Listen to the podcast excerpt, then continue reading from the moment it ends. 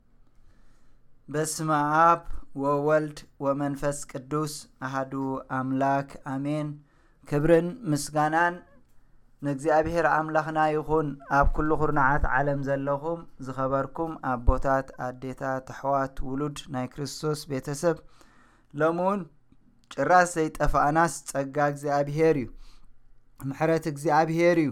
ጉስነት እግዚኣብሔር እዩ እግዚኣብሔር ብምሕረቱ ሎሚ ሻውዓይ መዓልቲ ናይ ጾም ነቢያት ክንህልው ብህይወት ንዝረድኣና ብህይወት ንዝሓለወና ካብ ንርእዮን ዘይንርእዮን ኩሉ ክፉእ ንዝሰወረና እግዚኣብሔር ክብርን ምስጋናን ንዑ ይኹን ብዛዕባኡ ክንሓስብ ብዛዕባ ኣምላኽ ዝኣዘዞ ትእዛዛት ከነተግብር ምሕሳብና እዚ ካብ ኣምላኽ እዩ እዚ ካብቲ ወሃቢ ክሉ ጽቡቕ እዩ ንምካሓሉ ዋላ ሓንቲ ነገር የብልናን ትንክሕትናስ ከምቲ ንሱ ዝደልየና ዘይምዃንና እዩ እዚ ጾምን ጸሎትን ምድርና ዝፍወሰሉ ቤተ ክርስትያንና ህድኣት ትረኽበሉ ፋሕ ዝበሉ ዝእከብሉ ዝተኣሰሩ እግዚኣብሔር ፍትሒ ዝገብረሉ እወ ኣብ ኩናትን ኣብ ጽልእን ኣብ ዓመፃን ዘለዉ ናብ ዕርቂ ዝመፅሉ ዝዓረፉ ዕረፍቲ ነፍሲ ዝረኽብሉ ዝሓዘኑ ዝጸናንዕሉ እግዚኣብሔር ክኸውን ሰናይ ፍቓዱ ይኹን ከምቲ ብተኸታታሊ ክንብሎ ዝቐነና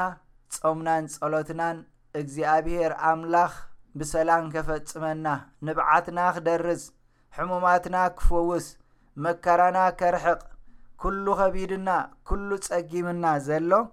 እግዚኣብሔር ክምልሰልና ኣብ ጾምን ጸሎትን ንዘለና ህዝቢ እግዚኣብሔር ምእንቲ ከሕይለና ምእንቲ ከም ባህልን ከም ልምድን ዘይኮነስ ነቲ መንፈሳዊ ነገር ኣብ ዝኸቢድ ግዜ ብፍርሓት ዓለም ናይ ሞት ናይ ለበዳ ኣብ ዝተሰከፈትሉ ኣብ ትስቀየሉ ዘላ ከምኡውን ኣብ ምድርናን ኣብ ጎረባቢትናን ብኹናትን ብዕንወትን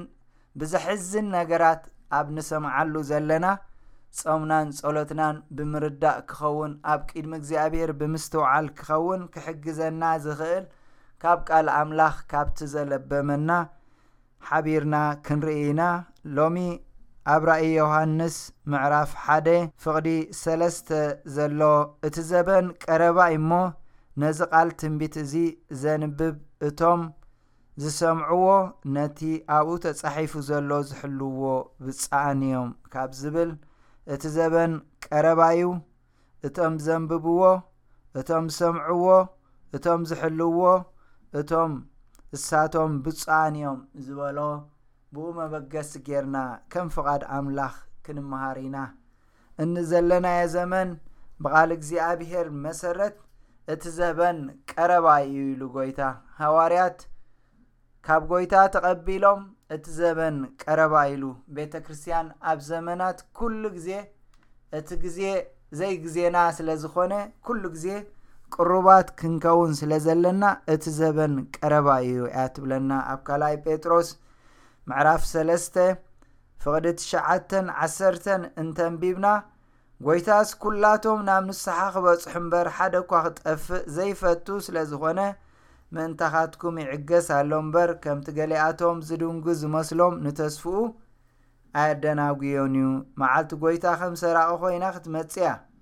ብኣኣ ሰማያት ጥዋዕዋዕ እናበለ ኪሓልፍ እዩ፣ ፍጥረት ሰማይ ድማ ብረስኒ ኪመክኽ እዩ፣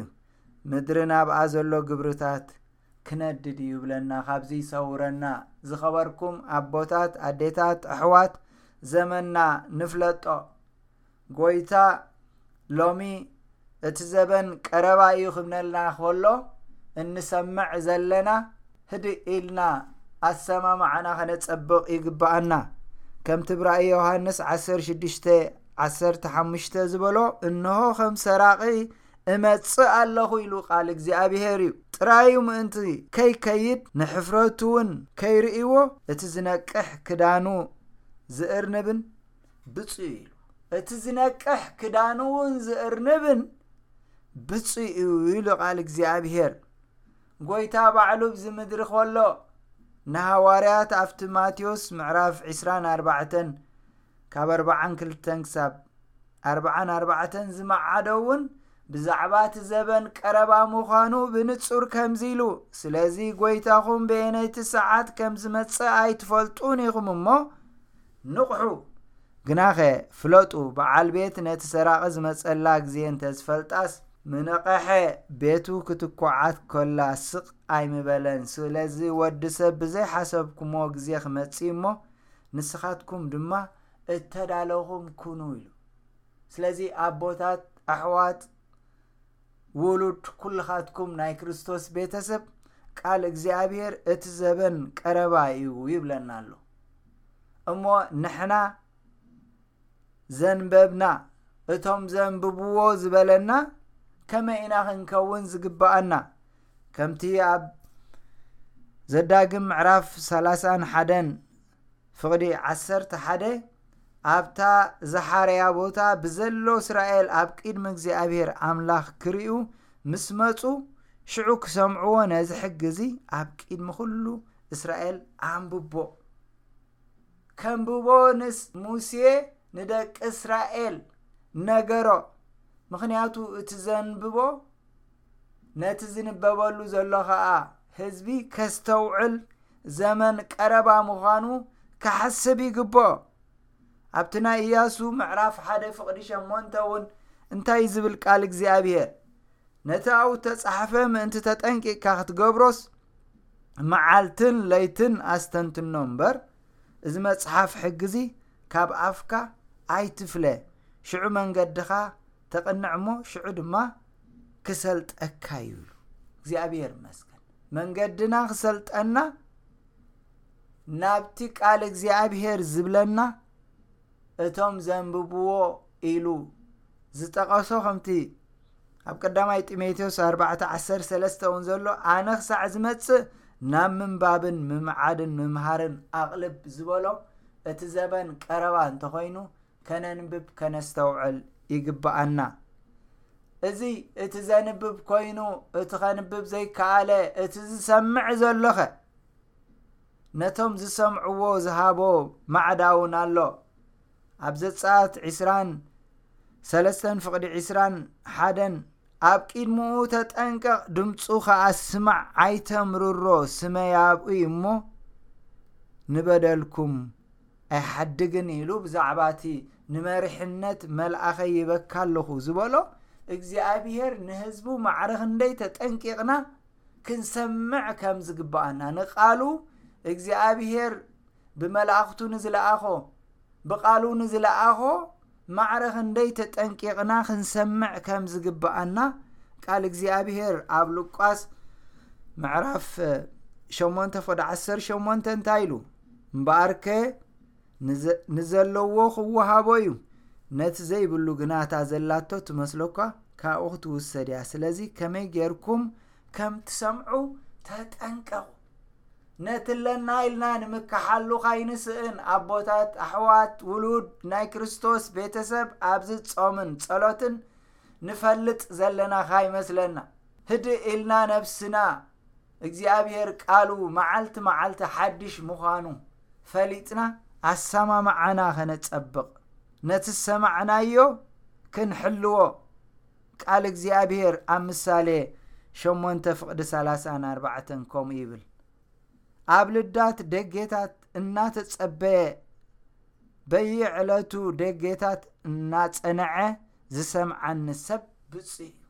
ንዓይ ክሰምዕ ንቓለይ ክሰምዕ ሓረድ ዝብል ብፁ እዩ ኢሉ እዚ ምስ በለ ብዛዕባ ነቲ ቃል እግዚኣብሔር ዘንብብዎ ዝሰምዕዎ ምስ ተዛረበ ሰሚዖም ኣንቢቦም ጥራይ ዘይኮነ ብዛዕባቶም ዝሕልዎ እንታይ ክንገብር ከም ዝግብኣና ከምዚ ኢሉ ኣብ ዘዳግም ሓሙሽተ ፍቕዲ ሓደ ሙሴ ድማ ንዅሎም እስራኤል ጸዊዑ በሎም ወ እስራኤል እዚ ኣነ ሎሚ ኣብ እዛንኩም ዝነግረኩም ዘለኹ ሕጋጋትን ፍርድታትን ስምዑ ተማሃርዎ ሓልውዎ ግበርዎ ከዓ በሉ ቃል እግዚኣብሔር ምስማዕና ቃል እግዚኣብሔር ምንባብና ክንነብረሉ ንርእስና ብምንባርና ከዓ ንብዙሓት ኣርኣያ ክንከውን ክንሕልዎ እዩ እግዚኣብሔር ሓግዘና እዚ ኩሉ ሕጋጋትን ፍርድታትን ስማዕ ተምሃርዎ ሓልውዎ ግበርዎ ከኣ ኢሉ ቃል እግዚኣብሔር ኣብ መጽሓፍ ምሳሌ 28 ፍቕዲ 7 ንጉስ ሰሎሞን እውን ከምዚ ኢሉ ንሕጊ ዝሕልዎስ ኣስተውዓሊ ውሉድ እዩ ምስ ሓሸሽቲ ዝመሓዞ ግና ነቡኡ የሕፍሮ ኢሉ ንሕጊ ዝሕልዎ ኣስተውዓሊ እዩ ለባም እዩ ኢልዎ ቃል እግዚኣብሄር ስለዚ ሎሚ ለባማት ክንበሃል ኣብዚ ጾምን ጸሎትን ነቲ ነንብቦ እንሰምዖ ቃል ነቲ ዘበን ቀረባ ምዃኑ ፈሊጥና ከነስተውዕል ይግብኣና። ከምቲ ኣብ ዮሃንስ ወንጌል ምዕራፍ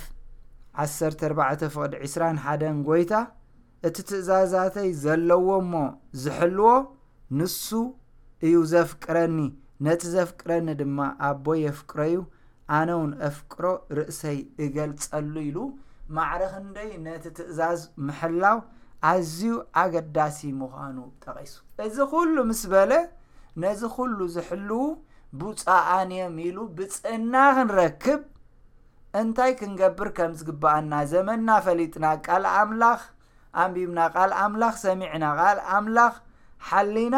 ብፅእና ክንረክብ ክንገብሮ ዝግባኣና ኣብቲ ማቴዎስ 5:3 ከምዚ ኢሉ ብመንፈስ ድኻታት መንግስተ ሰማያት ናቶም እያ እሞ ብፃን እዮም ዝጉህዩ ምፅንናዕ ክረኽቡ እዮም እሞ ብፃን እዮም ዓቃላት ንምድሪ ክወርስዋ እዮም እሞ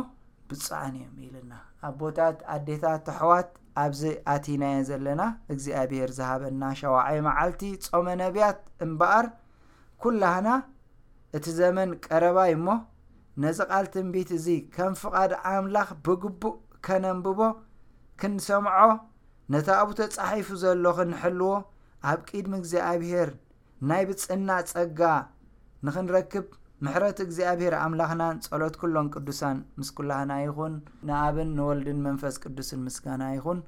ሎምን ኩሉ ሻዕን ዘላለም ዓለም ኣሜን